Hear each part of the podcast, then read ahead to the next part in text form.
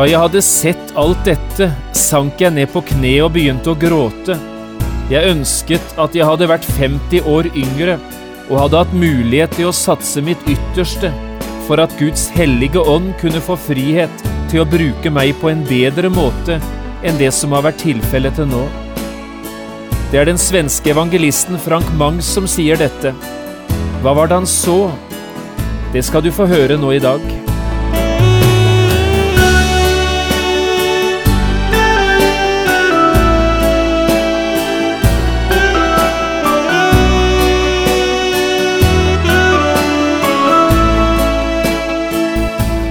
Hjertelig velkommen til et nytt program i serien Vindu mot livet. Programmet er produsert av Kristen Riksradio og blir ledet av Jon Hardang.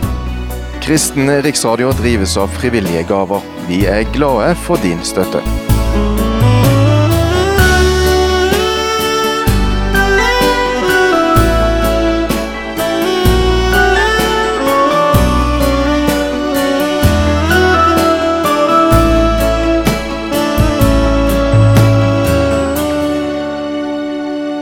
Vi skal i dag starte en ny bibelundervisningsserie som jeg har kalt Veien. Du som er godt kjent i Bibelen, vet at dette ordet var et av de første navnene som ble brukt om de kristne. De hørte veien til, ble det sagt om dem. Med dette som utgangspunkt skal vi ta fram noen grunnleggende ting ved det å leve som kristen. Jeg har også skrevet en liten bok med denne tittelen, Veien, som du kan få kjøpt i bokhandelen eller ved å henvende deg til Kristen Riksradios kontor.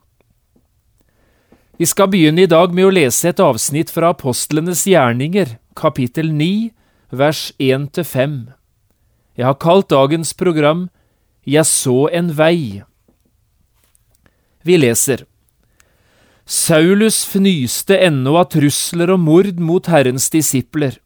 Han gikk til ypperste presten og utba seg fra ham brev til Damaskus, til synagogene der, for at han, om han fant noen som hørte veien til, enten det var menn eller kvinner, kunne føre dem i lenker til Jerusalem.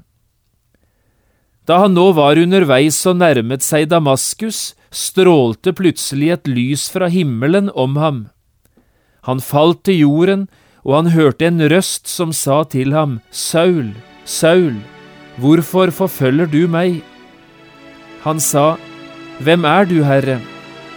Og han svarte, Jeg er Jesus, ham som du forfølger.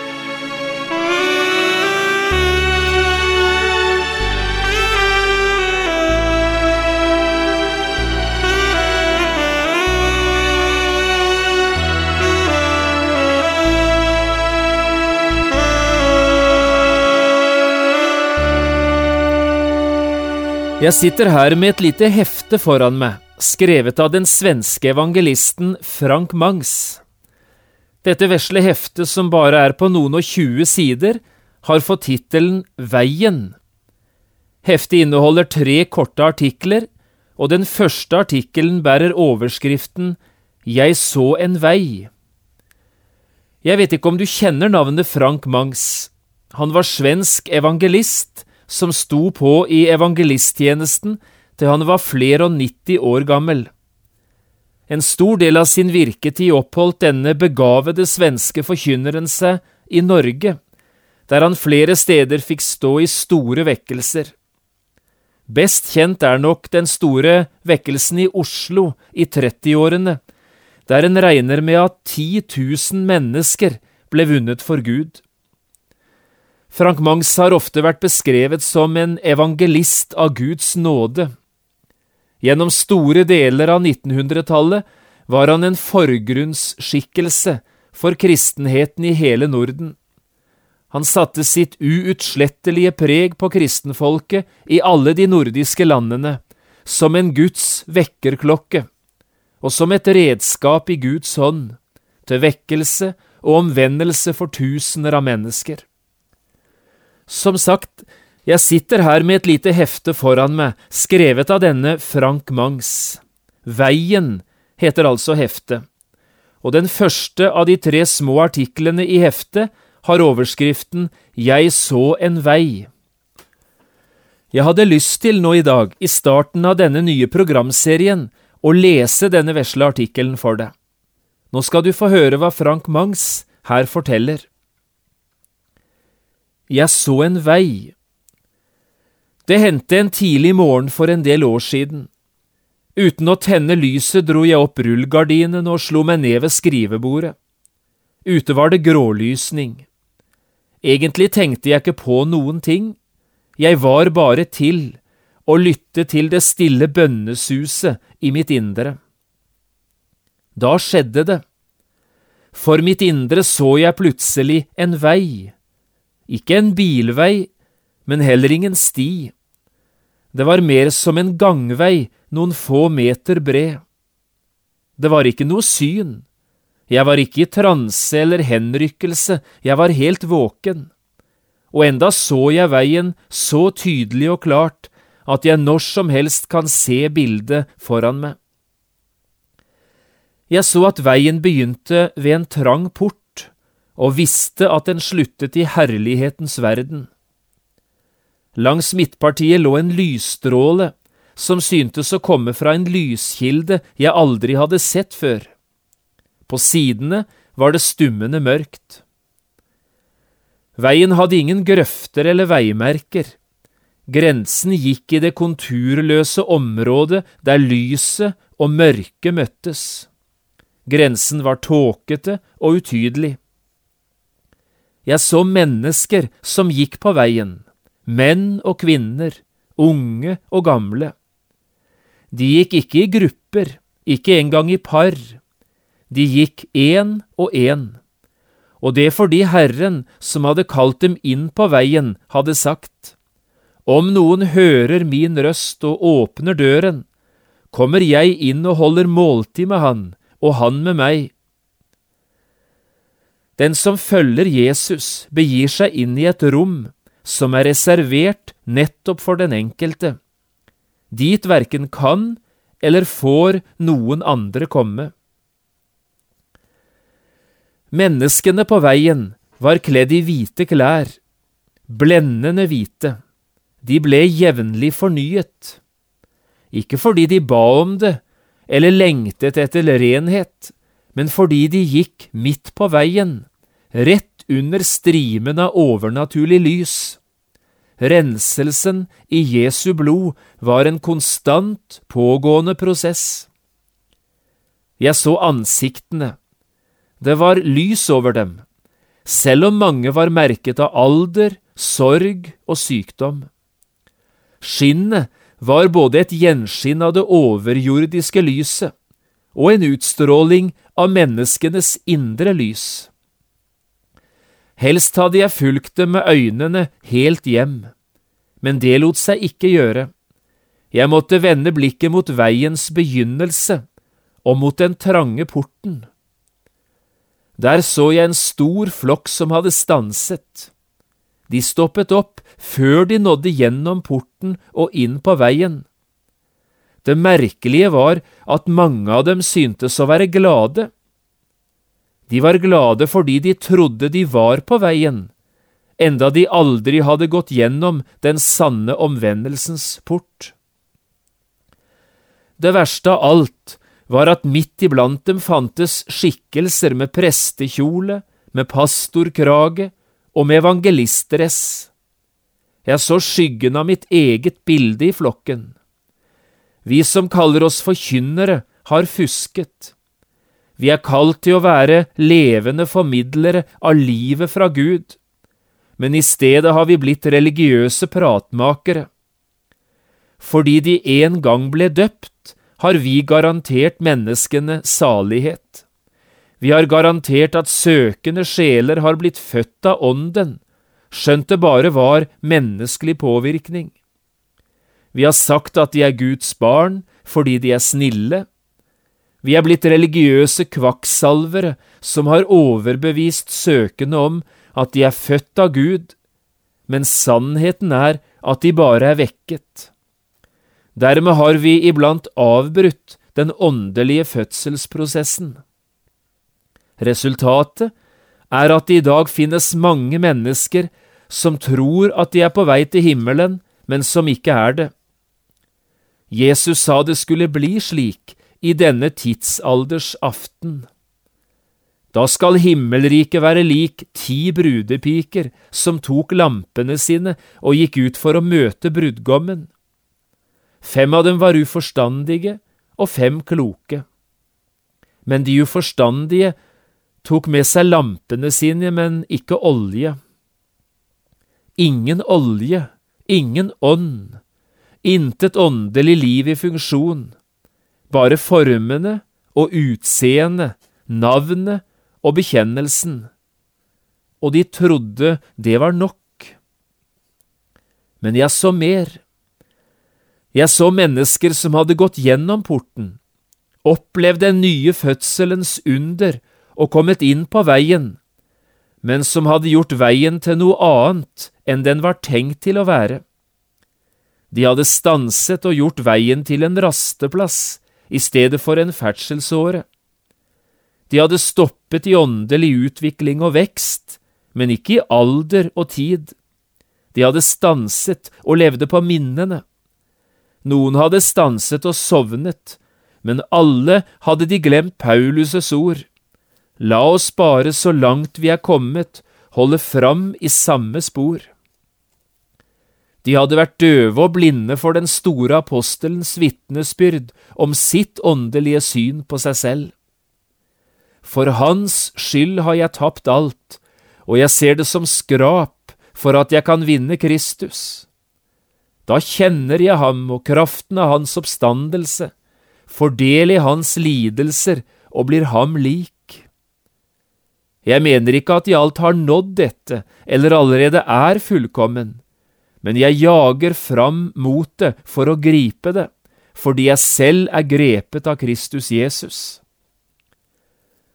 Han som ble grepet av Kristus, vendte ryggen til framgangen og de hellige erfaringene i fortiden, og jaget framover for på en mektigere måte å lære Kristus å kjenne og kraften av hans oppstandelse.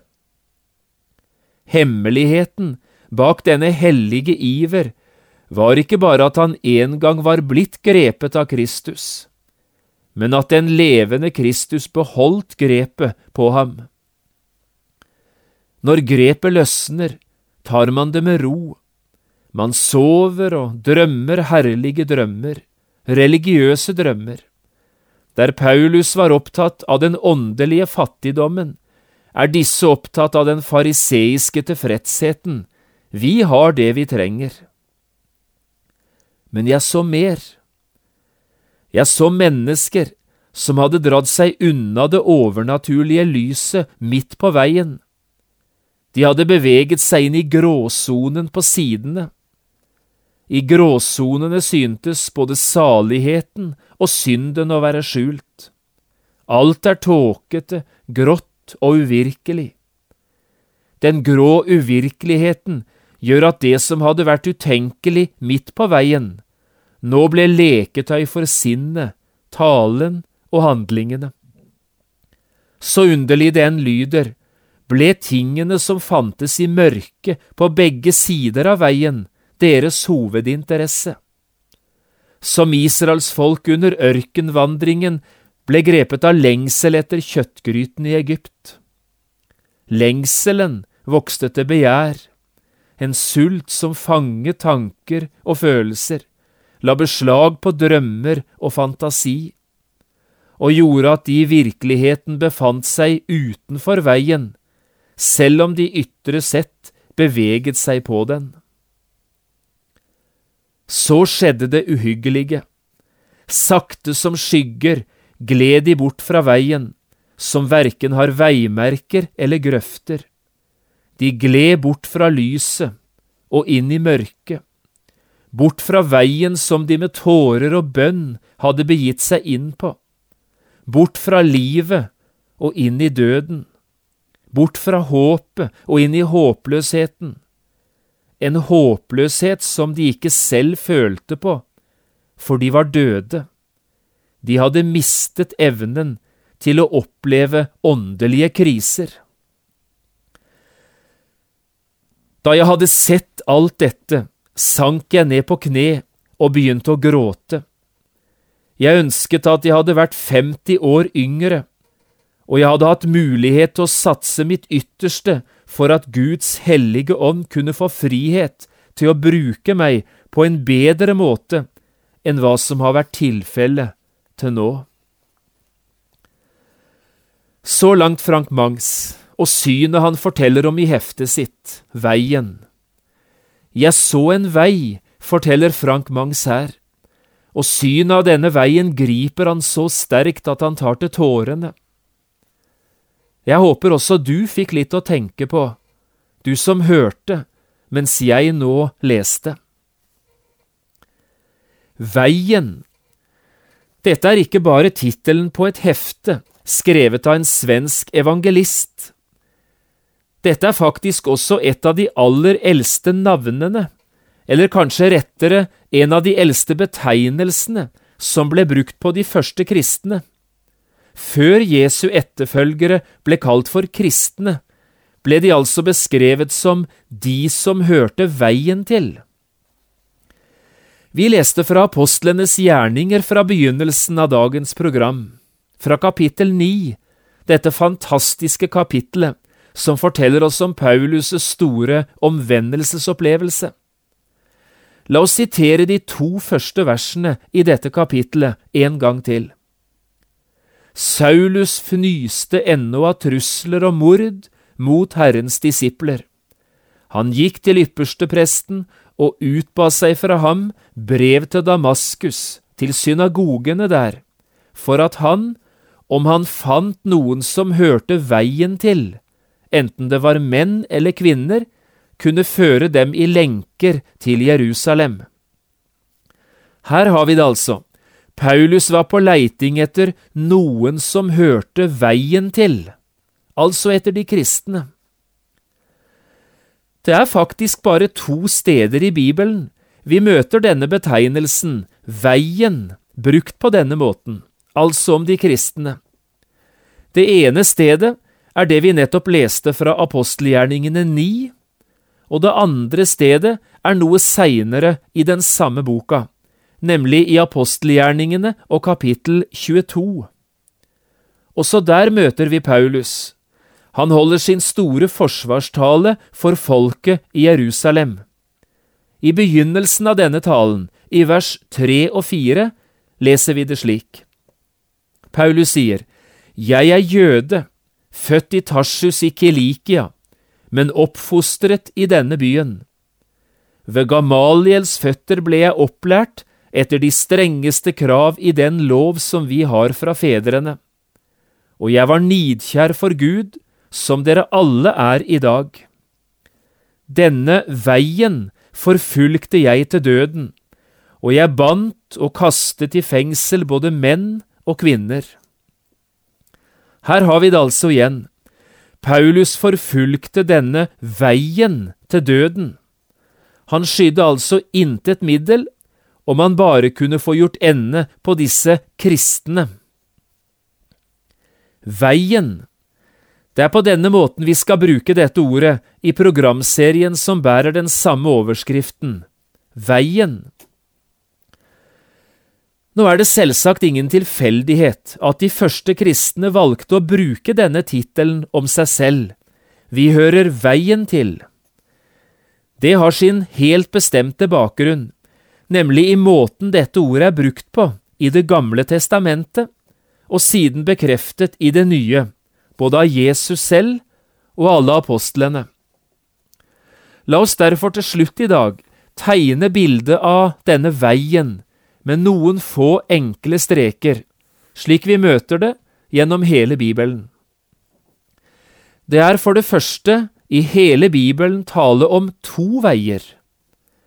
I Det gamle testamentet møter vi det i Salmenes bok, både i Salme 1 og i Salme 139. Salme 1 har i mange bibeloversettelser fått overskriften De to veiene og i det siste verset her, i vers seks, lyder det slik. For Herren kjenner de rettferdiges vei, men de ugudeliges vei går til grunne. Og så i Salme 139, Der ber salmisten slik i de siste to versene. Ransak meg, Gud, og kjenn mitt hjerte. Prøv meg, og kjenn mine mangfoldige tanker. Se om jeg er på fortapelsens vei, og led meg på evighetens vei. Det er ikke vanskelig å se forskjellen på disse to veiene, er det vel? Vi ser det tydelig, både når det gjelder hvem som går på de to veiene, og hvor veien fører de veifarende hen, de som går på den ene eller på den andre veien. Det er akkurat det samme vi møter hos Jesus, når han i sin bergpreken kommer med disse klassiske ordene, i Matteus 7, 13 og 14. Gå inn gjennom den trange port, for vi er den port og bred er den vei som fører til fortapelsen, og mange er de som går inn gjennom den. For trang er den port og smal er den vei som fører til livet, og få er de som finner den. Vi kan ikke være i tvil om hvem det er som hører veien til. Det var de som brukte den trange port, og som gikk den smale vei. For det andre ser vi i Det gamle testamentet at denne gode frelsens og livets vei er knyttet til Messias. Når han kommer, er Messias den som virkelig skal åpne veien for menneskene. Jeg syns det er beskrevet så flott i Jesaja 35, vers 8–10. Hør på dette. Det skal være en ryddet vei, og den skal kalles Den hellige vei. Ingen uren skal gå på den, men den hører hans folk til. Ingen veifarende, ikke engang dårer, skal fare vill. Der skal ingen løve være, intet rovdyr skal komme opp på den, de skal ikke finnes der. Men de gjenløste skal ferdes der, Herrens forløste skal vende tilbake og komme til Sion med frydesang. Evig glede er det over deres hode, fryd og glede skal de nå, sorg og sukk skal fly. For en flott beskrivelse av veien! Vi hører om en ryddet vei, en hellig vei, en vei det er lett å finne fram på, og som er trygg for alle som går der, og en vei som ikke minst har et herlig mål. Med dette som bakgrunn forstår vi kanskje enda bedre hvorfor Jesus sier det slik en dag. Jeg er veien og sannheten og livet. Ingen kommer til Faderen uten ved meg. Jesus er veien, og du som hører Jesus til, er dermed en av dem som også hører veien til.